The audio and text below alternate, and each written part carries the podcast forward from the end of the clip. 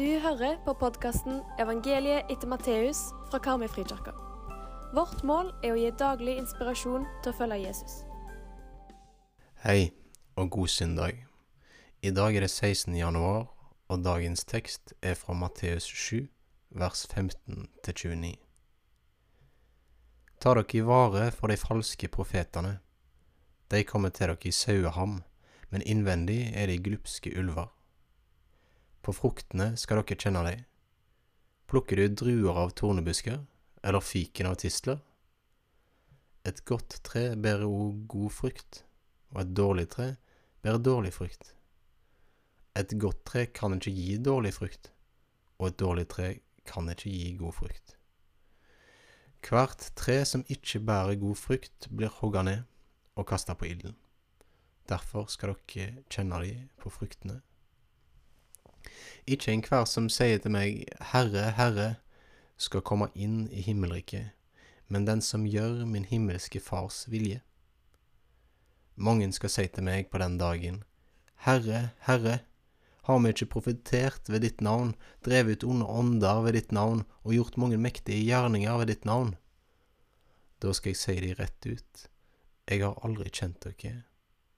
Bort fra meg, dere som gjør urett. Hver den som hører disse mine ord og gjør det de sier, ligner en klok mann som bygde huset sitt på fjell. Regnet styrta, elvene flomma, og vindene blåste og slo mot huset, men det falt ikke, for det var bygd på fjell. Og hver den som hører disse mine ord og ikke gjør det de sier, han ligner en uforstandig mann som bygde huset sitt på sand.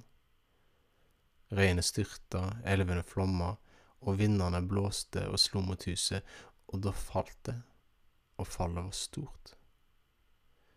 Da Jesus hadde fullført denne talen, var folket slått av undring over hans lære, for han lærte de med myndighet, og ikke som deres skriftlærde. Dagens tekst er siste tekst i bergpreken. Jesus avslutter med advarsler.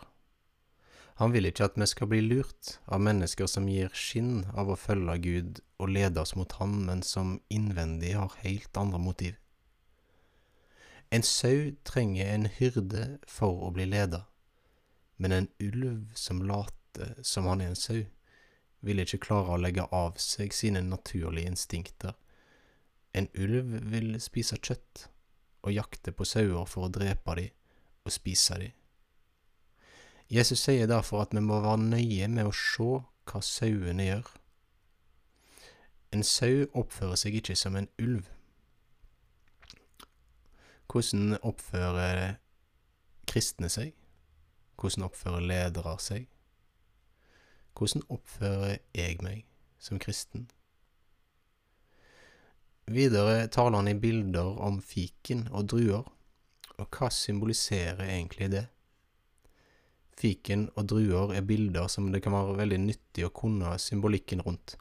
Det finnes annet et vers i Hosea der vi kan lese Jeg fant Israel som druer i ørkenen. Jeg så fedrene deres som tidlig frukt på fikentreet. Så fiken, det kan altså være ledere i folket, og druer, det kan være folket.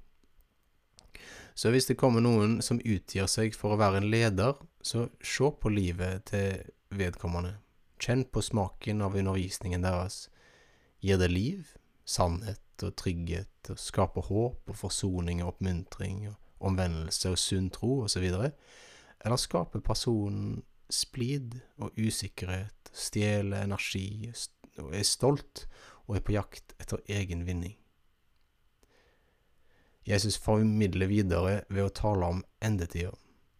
Hvem er det som Jesus vedkjenner seg ved den dagen? Jo, det er de som gjør Guds vilje. Ikke de som later som de gjør Guds vilje for å vinne menneskers hjerter, for så å forføre dem og manipulere dem og utnytte dem. Dette er jo òg viktig å lytte til for vår egen skyld. Med livet vårt er vi alle ledere for de vi møter på en eller annen måte. Måten vi relaterer til Gud på, er lys for andre mennesker. Hva er motivene mine for å handle? Hvordan leder jeg andre? Er det å hjelpe og gi ære til Gud? Eller er det egen vinning og tom ærgjerrighet som er motivet? Hvis vi ikke følger Gud med livene våre og kaller oss kristne, så faller vi i samme bås som hyklerne. Men når dette er sagt, så trenger vi virkelig ledere som tør å lede andre med frimodighet. Så vi har fått Guds ord, og når vi gjør Guds ord, så vil vi automatisk lede andre nærmere Han. Begynn med det. Det aller siste Jesus advarer om, er hvordan vi hører Guds ord. På hebraisk er det kun ett ord for å høre og gjøre. Det er shema. Vi kan ligne det med en forelder som sier til sitt barn Du, nå må du skru av fjernsynet og legge deg, for nå er det leggetid. Og barnet svarer Ja, det skal jeg, mamma. Men en halvtime seinere så sitter barnet fremdeles og glor, og da sier mora en gang til. Nå har det gått en halvtime siden du sa at du skulle legge deg, hvorfor har du ikke lagt deg? Hørte du ikke hva jeg sa? Vi har òg et ganske nærliggende ord på norsk, å adlyde. Altså, vi hører, og så lyder vi. Vi handler. Jesus sammenligner det å gjøre hans ord med hvor en mann velger å bygge huset sitt. Og Jesus bruker igjen sterke bilder fra omgivelsene i Israel. Faktisk så er det sånn at det er vanligere for folk at de dør av å drukne i ørkenen, enn av å tørste i hjel. Når det regner i fjellene, så renner vannet hyperfort på hard stein og sand, og danner vadier som kjører seg ned i landskapet. Hvis man oppholder seg i en sånn vadi, og det regner i fjellet, så kommer vannet så fort at du mest sannsynlig dør. Du får ikke tid til å rømme. I bunnen av disse vadiene så kan en finne sand, og det er muligens her Jesus sier at eh, den uforstandige mannen bygger huset sitt. Han bygger med andre ord på et sted der han vet at han kommer til å dø. Derfor er det ikke bare ei valgfri greie å adlyde Jesu ord i bergpreken. Hvis du gjør Jesus sitt ord, så vil du finne at du òg blir beskytta, at huset ditt holder, at livet ditt har en fast grunn, at det blir stabilt, at Gud holder ord og har omsorg for sine barn, at sjølve livet og himmelriket finnes i å gjøre denne undervisningen i praksis. Ok, folkens. Vi har nå veldig fort gått gjennom noen av de viktigste punktene i bergpreken gjennom de siste undervisningene. Og i den undervisningen eh, som jeg har hatt, så har jeg brukt en del kilder som jeg vil nevne helt kort, hvis det er noen som ønsker å sjekke de ut. Det er Jesus the Jewish Theologian av Young. Det er The Sage from Galilee av eh, David Flusser. Det er helt kort Richard Fosters i bok av Money, Sex and Power. Our Father Abraham, Jewish Roots of the Christian Faith av Wilson. Litt grann fra talene til Magnus Malm, eh, både veivisere og fri til å følge, og ressursene som ligger på korsvei side sider. Og Understanding the Difficult Words of Jesus av eh, Biven og Blizzard.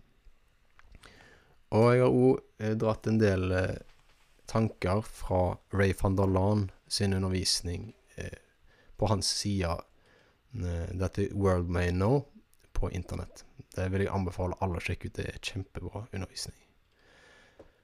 Mm. Et siste tips som jeg tenker kan være en start med det å gå videre med å gjøre Jesu bud, og som har hjulpet meg enormt masse, det er å lære så mye mul som mulig av teksten utenat. Jeg tror at disse versene var de første jeg lærte meg faktisk dette med og det mannen som bygde huset sitt på sand, eller bygde huset sitt på fjell. Dette var noe som pappa lærte meg. Jeg husker jeg var helt liten, han brukte bevegelser. Han eh, fikk meg til å gjenta igjen og igjen, repetere. Og vi skrev det jo ned i ei bok. Og det lærte jeg meg som ganske liten i jeg tror første klasse jeg gikk i når jeg lærte det. fem år, eller fem eller seks år. Og det har jeg huska helt til nå. Og det har hjulpet meg å ta gode valg. Så vær frimodig med det å memorere, det nytter.